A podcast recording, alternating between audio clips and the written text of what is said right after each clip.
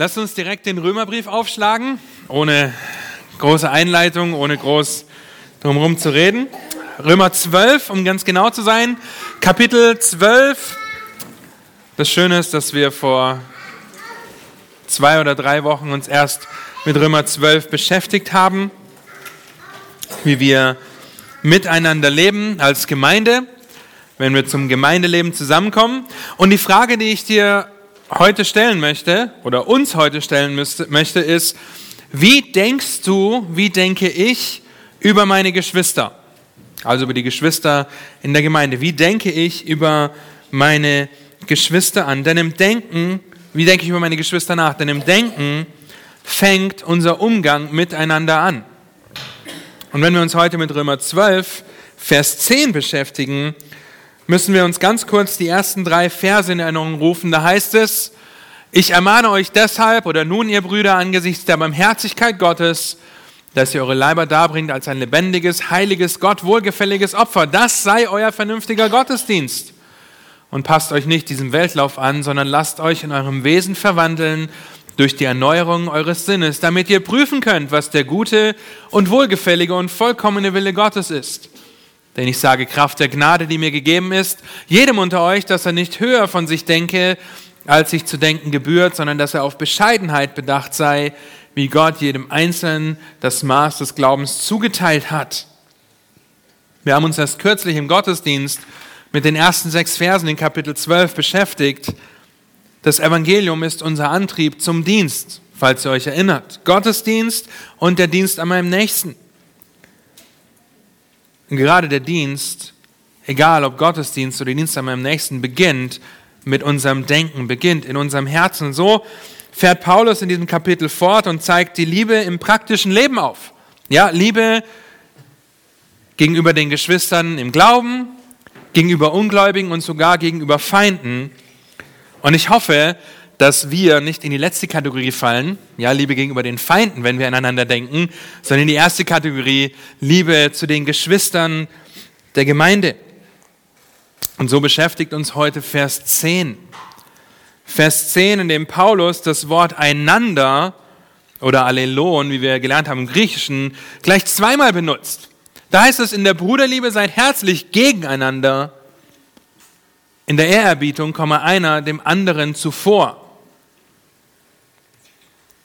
Wenn unsere Herzlichkeit oder Bruderliebe und Ehrerbietung in Gedanken beginnen, weil das, was in unserem Herzen ist, auch rauskommt, früher oder später, dann müssen wir uns heute Abend die Frage stellen, wie denken wir über unsere Geschwister? Wie denken wir über unsere Geschwister? Denn das Denken hat als Ergebnis das Handeln. Ja, das wovon das Herz voll ist, davon redet der Mund. Deshalb wollen wir uns heute zwei Bereiche anschauen. Zum einen beherzte Bruderliebe zu beweisen und zum anderen einander Ehrerbietung zu erweisen. Das eine fängt immer mit B an, das andere mit E. Der erste Befehl, den wir sehen, ist der, dass wir beherzte Bruderliebe beweisen. Ein Befehl, der uns auffordert, unsere Glaubensgeschwister auf eine familiäre Art und Weise zu lieben. Vielleicht haben einige von euch keine positiven Gedanken, wenn ihr an die Beziehung zu euren Blutsverwandten, zu euren Familienmitgliedern denkt. Vielleicht habt ihr nie wirklich erfahren, was Herzlichkeit ist, was Wärme und Liebe ist in den Beziehungen zu deiner Familie. Dann tut mir das wirklich leid, weil das ist schade, weil wir als Familien eigentlich das vorleben sollten, was es heißt, einander in Herzlichkeit zu begegnen, mit Wärme zu begegnen. Aber dennoch möchte ich dich auffordern, dann anhand der Schrift zu prüfen, zu überlegen, okay, wie stellt Gott sich eine intakte Familie vor? Und was kann ich davon lernen im Umgang mit meinen Geschwistern in der Gemeinde? Denn das Wort Bruderliebe ist im Griechischen hier das Wort Philadelphia. Nicht der Frischkäse, ja, sondern die Liebe zum Bruder. Die Liebe zu Brüdern in einem familiären Sinn, aber auch in einem liebevollen Umgang miteinander. Und er unterstreicht das noch weiter, indem er das Wort herzlich benutzt. Ja, wenn ihr in Vers 10 schaut. Und da finden wir, das ist das griechische Wort Philostorgos. Also in beiden Worten Bruderliebe und herzlich kommt das Wort Philo vor. Phileo ist die Liebe, diese herzliche, dieser herzliche, liebevolle Umgang miteinander, so wie Geschwister einer Familie miteinander umgehen, wenn sie nicht gerade streiten. Ja, das kommt vielleicht in der ein oder anderen Familie vor. Und deshalb wollen wir beherzte Bruderliebe beweisen, wenn wir aneinander denken und wie wir miteinander umgehen. Jesus sagt uns, woran man seine Jünger erkennen wird. Und das sagt, oh, das ist ein bisschen klein, muss ich nächstes Mal größer machen. Johannes 13, Vers 35. Ja, oder wir machen das so, die, die gute Augen haben, sitzen hinten und die schlechteren Augen haben, können hier nach vorne kommen. Johannes 13, Vers 35, im Kontext der Fußwaschung. Wir, sind, wir befinden uns gerade im, im Obersaal, äh, bevor er einsteigt, ähm, ihnen aufzuzeigen, dass er der Weinstock ist und wie die Reben, dass er den Beistand senden wird und hier die Fußwaschung. Da heißt es, Daran wird jedermann erkennen, dass ihr meine Jünger seid, wenn ihr Liebe untereinander habt. Und ein paar Jahre später schreibt derselbe Apostel im Kontext seines Briefes an die Gläubigen, an seine Kinder im Glauben, in 1. Johannes 5, Vers 1 und 2, jeder, der glaubt, dass, der Christ, dass Jesus der Christus ist, der ist aus Gott geboren. Und wer den liebt, der ihn geboren hat, der liebt auch den, der aus ihm geboren ist. Daran erkennen wir, dass wir die Kinder Gottes lieben, wenn wir Gott lieben und seine Gebote halten.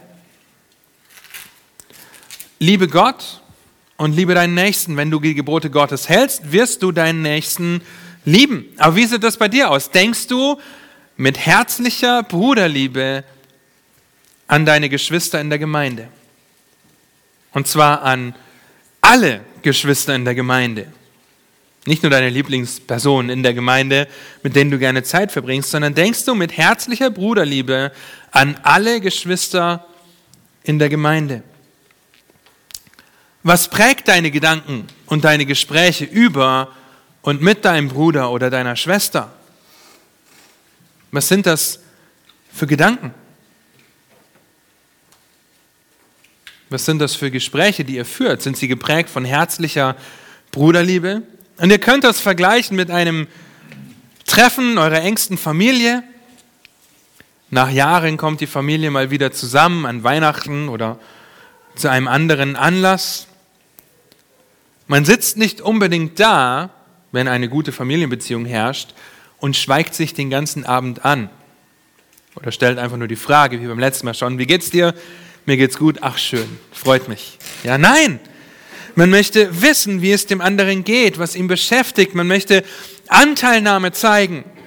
In vielen Familien ist es selbstverständlich, auch wenn sie ungläubig sind, dass das angewandt wird, was, wozu Römer 12, Vers 15 uns auffordert, sich mit den Freunden, mit den Fröhlichen zu freuen und mit den Weinenden zu weinen. In vielen Familien ist das der Fall, weil eine Familienbeziehung da ist, die Anteil nimmt wo man für den anderen mitbangt, wo man weiß, okay, ja, mein Kind hat morgen eine Prüfung in der Schule und ich bange mit und dann kommt das Kind traurig nach Hause, als das Ergebnis hat, es hat eine 4 geschrieben, 5 oder 6 und du sitzt da.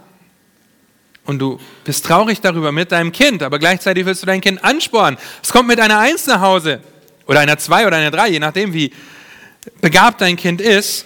Und es strahlt dich an und du sagst, ah, ist nur eine drei. Nein, du freust dich mit dem Kind, hoffentlich. Ja, du freust dich, eine herzliche Anteilnahme an der Beziehung zu deinen Liebsten in deiner Familie. Und genauso sollte die Beziehung unter uns sein als Geschwister der Gemeinde, der Bibelgemeinde Berlin in diesem Fall. Kannst du das von deiner Beziehung zu deinen Brüdern und Schwestern hier sagen? Die durch das Blut Jesu zu deinen Blutsverwandten gemacht wurden? Wir sind alle teuer erkauft, mit demselben Preis. Wir sind nicht nur auf dieser Seite der Ewigkeit miteinander verbunden durch Christus, sondern es ist eine ewige Blutsverwandtschaft, die über den Tod hinausgeht. Beweist du beherzte Bruderliebe? ein paar Aufgaben oder Fragen, die dir dabei helfen können. In der kommenden Woche. Überlege dir fünf Dinge, wie du daran arbeiten kannst, deine beherzte Bruderliebe gegenüber deinen Geschwistern zu beweisen. Punkt, nicht Fragezeichen. Ja, überleg dir fünf Dinge. Oder wie kann ich das noch besser beweisen? Liste mindestens fünf gute Dinge deiner Beziehung zu deiner Familie auf, die du auf deine Beziehung zu deinen Geschwistern in der Gemeinde übertragen kannst. Oder das, wie du dir eine Familie vorstellst, wie sie anhand der Bibel definiert wird. Und der letzte Punkt könnte vielleicht der erste sein. Schreibe dir den Namen deines Bruders oder einer Schwester auf, bei der du es vernachlässigt hast, sie wie einen Blutsverwandten zu behandeln. Bei der du es vernachlässigt hast, herzlich über die Person zu denken.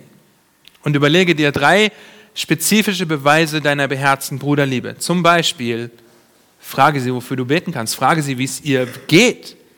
Hake nach. Überlege, wie du der Person dienen kannst. Beweise deine Bruderliebe auf eine beherzte Art und Weise.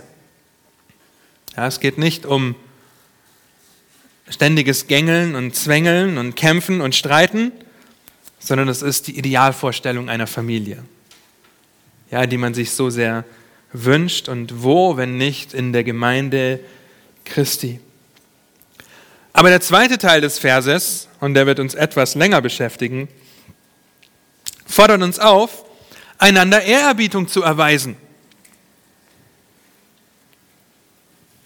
Und deshalb die ersten drei Verse. Wendest du Vers 3 auf dein Leben an, dann wirst du danach streben, in deinem Leben nicht höher zu denken von dir, als sich zu denken gebührt. Aber wendest du auch Vers 10 an, wenn du über das Leben deiner Glaubensgeschwister nachdenkst, gerade dieser zweite Teil. Oder denkst du auch nicht höher von ihnen, als sich zu denken gebührt, wobei du der Maßstab bist für das, was sich zu denken gebührt über diese Person, dass du herablassen darüber denken kannst. Da heißt es, in der Ehrerbietung komme einer dem anderen zuvor. Aber was heißt es, jemandem Ehrerbietung zu erweisen oder Ehre zu geben? Es bedeutet ihm Gewicht zu geben, in einem Wert zu geben, dem Nächsten Ehrerbietung zu erweisen, bedeutet ihm einen hohen Stellenwert einzuräumen in deinem Leben, in deinen Gedanken, was er sagt, ernst zu nehmen, darüber nachzudenken, wie ich den anderen höher achten kann als mich selbst, wie wir das in Philippa Kapitel 2 finden. Und wenn wir in Römer 12, Vers 10 lesen, komme einer dem anderen zuvor. Dieses Zuvorkommen kann auch mit übertreffen übersetzt werden. Ich übertreffe den anderen. Wir sollen das Beste vom anderen denken.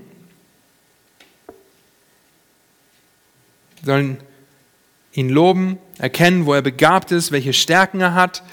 Wie denkst du von deinen Geschwistern? Denkst du das Beste von deinen Geschwistern? Und hier ist vielleicht eine Prüfung für dich. Wenn dein Bruder oder deine Schwester etwas tut, was dir nicht so passt oder wo du nicht weißt, was die Motivation ist und du hast zehn Gründe. Und von diesen zehn Gründen ist nur einer positiv, wo du das Beste denkst. Dann denkst du nicht über die neuen Gründe nach. Der mag mich nicht. Ja, der nimmt sich keine Zeit. Der redet so viel. Keine Ahnung. Ja, was, was euch in den Sinn kommt. Nein, ihr fangt an, über das Beste nachzudenken, über das Beste zu denken. Das, was lobenswert ist, darüber sollen wir nachdenken. Denkst du über deine Geschwister nach, was sie alles falsch machen? Oder auch, was du so viel besser machen würdest? Nun, das ist nicht übertrefflich, das ist nicht übertreffend, das ist nicht zuvorkommend. Übertrefflich ist darüber nachzudenken, dass die andere Person wichtiger ist als ich selbst.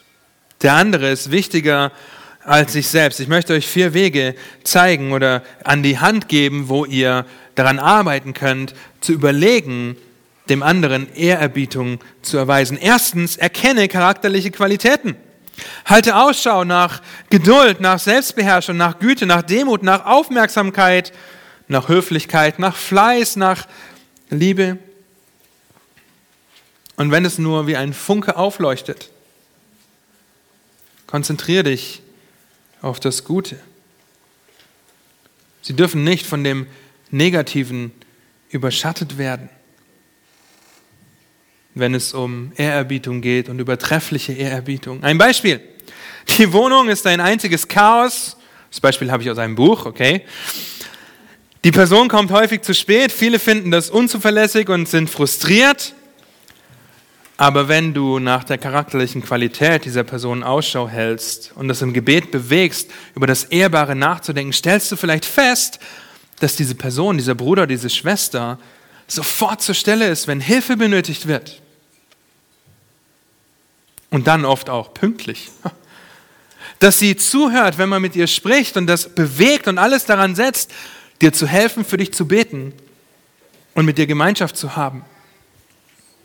Das ist etwas Schönes. Darüber können wir nachdenken.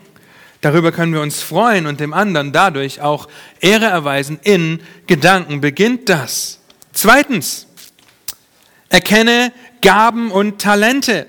Halte Ausschau nach Stärken und Gaben, die durch das tägliche Handeln, durch den täglichen Dienst, durch das tägliche Leben zum Ausdruck kommen. Geschwister, die du gut kennst oder lange kennst, die kannst du schnell einordnen. Er ist ein Verwaltungsgenie. Ja, oder der ist total musikalisch. Voll der Mathe-Crack. Oder sie liest den ganzen Tag. Er spielt den ganzen Tag mit der Technik rum, weil er sich so begeistert für irgendwelche technischen Abläufe, Dekoration. Sie ist begabt, das Haus schön zu dekorieren. Ihr, ihr Lieben, wir, wir, wir kennen einander und wir können das sehen, wenn wir danach Ausschau halten, was die Vorlieben des anderen sind.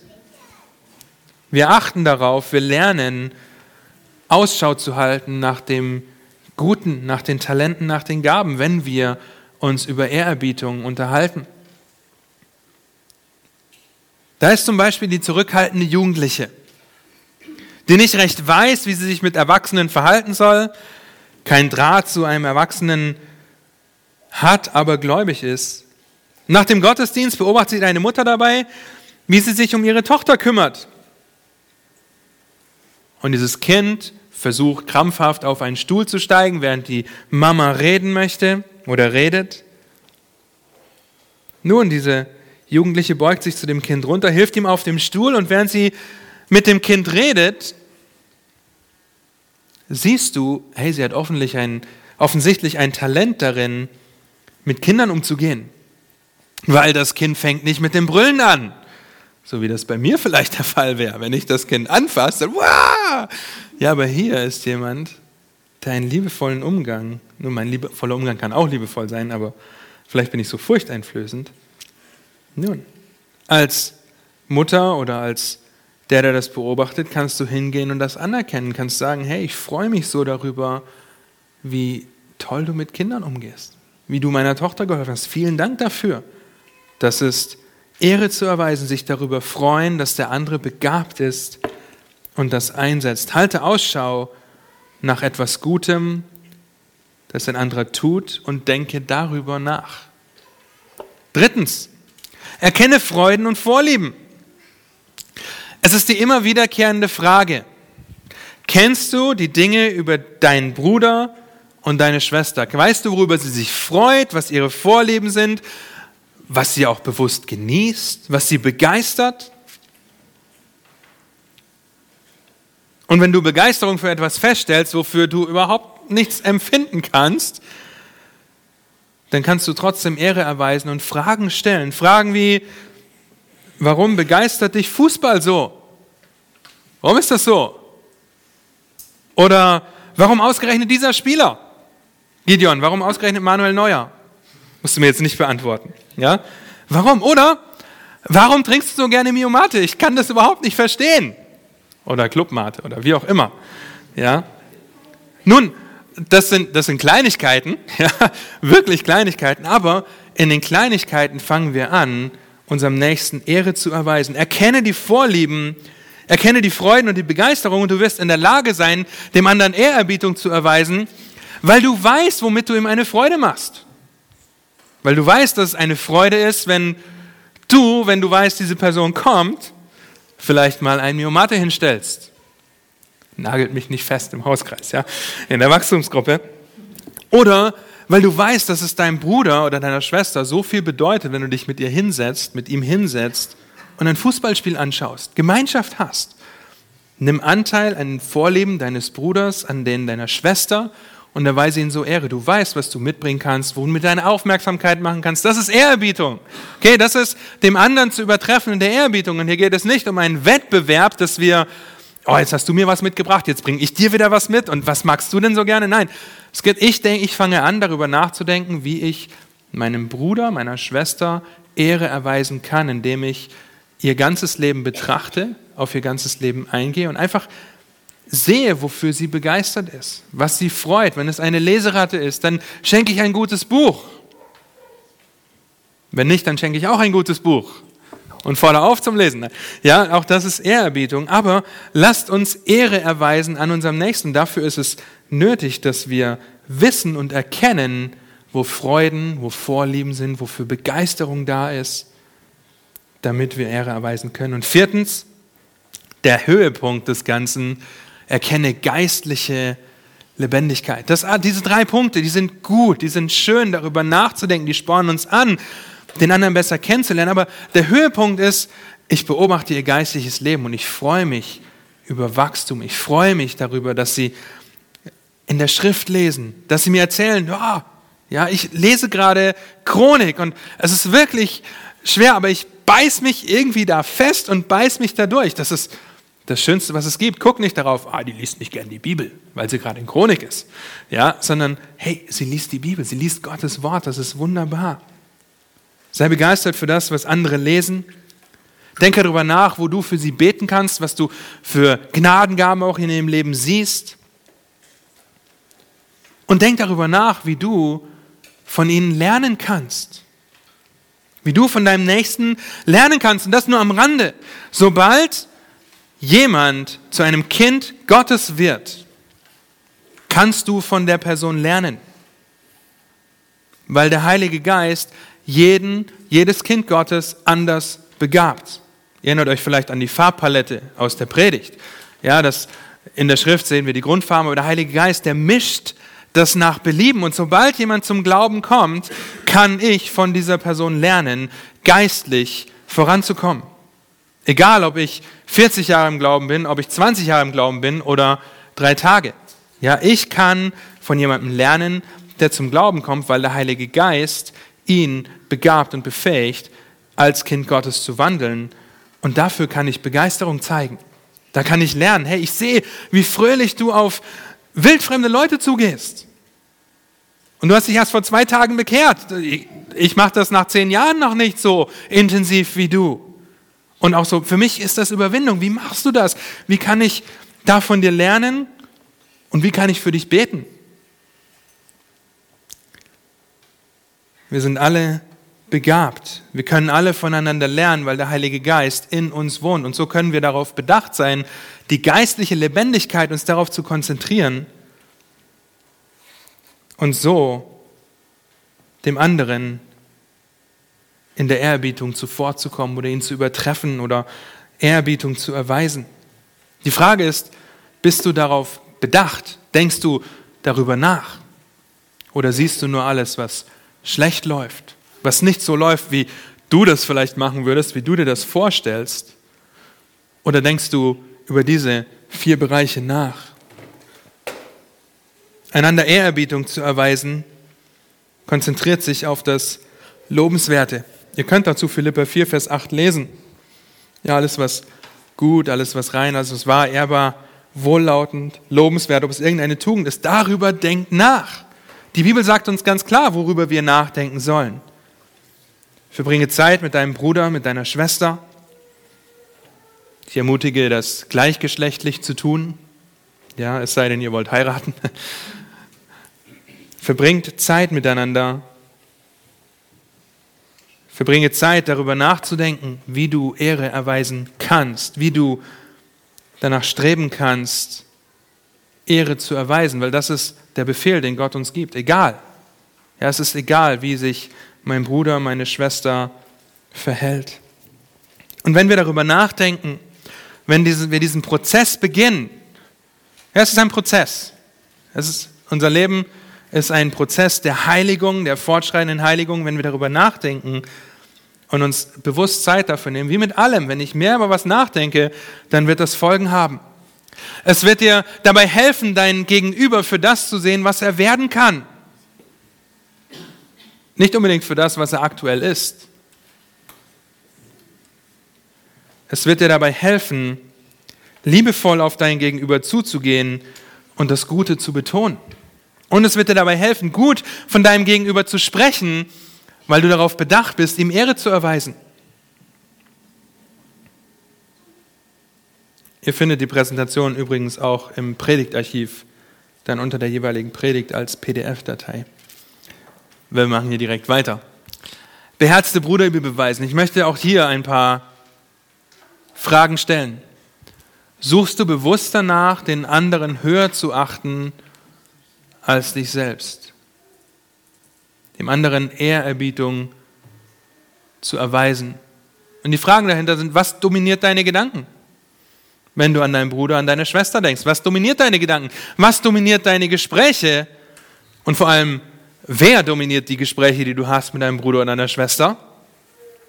Wenn du sonntags oder unter der Woche in der Wachstumsgruppe hier danach nach einem Gespräch rausgehst und darüber nachdenkst, okay, was habe ich eigentlich über den Bruder oder die Schwester gelernt? Und du feststellen musst gar nichts, weil ich von der halben Stunde vielleicht drei Minuten zum Luftgeben geholt habe, ja, oder zum kurz was sagen, weil ich nur über mich gesprochen habe. Nun, wer dominiert deine Gespräche? Welches Thema? Welche Person? Wo, was dominiert deine Gespräche? Und wie kannst du die Ehre des anderen noch mehr suchen? Auch hier überleg dir drei bis vier Punkte, wo du überlegen kannst, wie kann ich dem anderen Ehre erweisen, auch in der kommenden Woche. Wie kannst du das deinem Bruder oder deiner Schwester diese Woche zeigen? Wie kannst du dir das machen? Wie kannst du sie achten? Eine nette Karte schreiben. Ein Kaffee vorbeibringen, ein Zitat schicken, wie auch immer. Ihr lernt euch kennen, um die Vorlieben des anderen zu kennen, um Ehre zu erweisen. Bruderliebe und Ehrerbietung fangen in unseren Gedanken an. Deswegen die Frage, wie denkst du über deine Geschwister?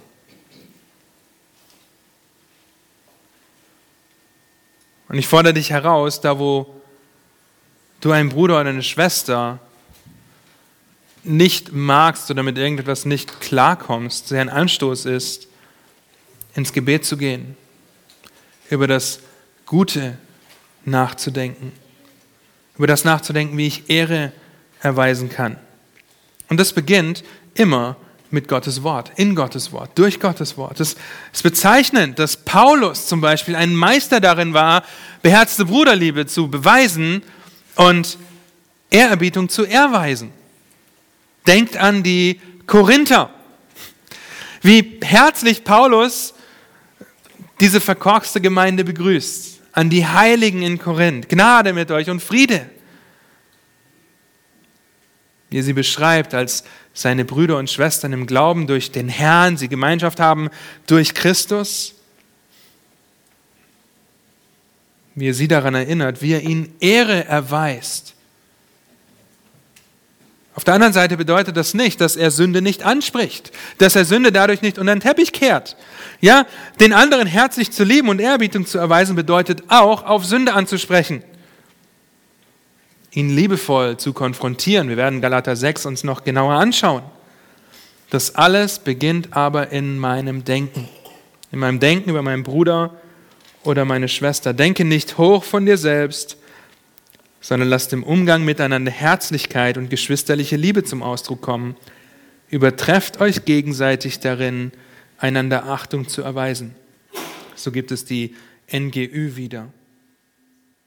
Wie denkst du über deinen Bruder, über deine Schwester?